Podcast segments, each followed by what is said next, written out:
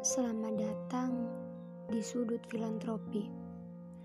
Filantropi sendiri merupakan sebuah wadah kepedulian, cinta, kasih, dan sayang antar sesama. Di sini, kamu akan siap mendengar perihal luka, baik luka orang lain atau yang mungkin juga kamu rasain. Manusia diciptakan untuk bersama, bersama melewati hal sulit, dan bersama dalam menghadapi rasa sakit.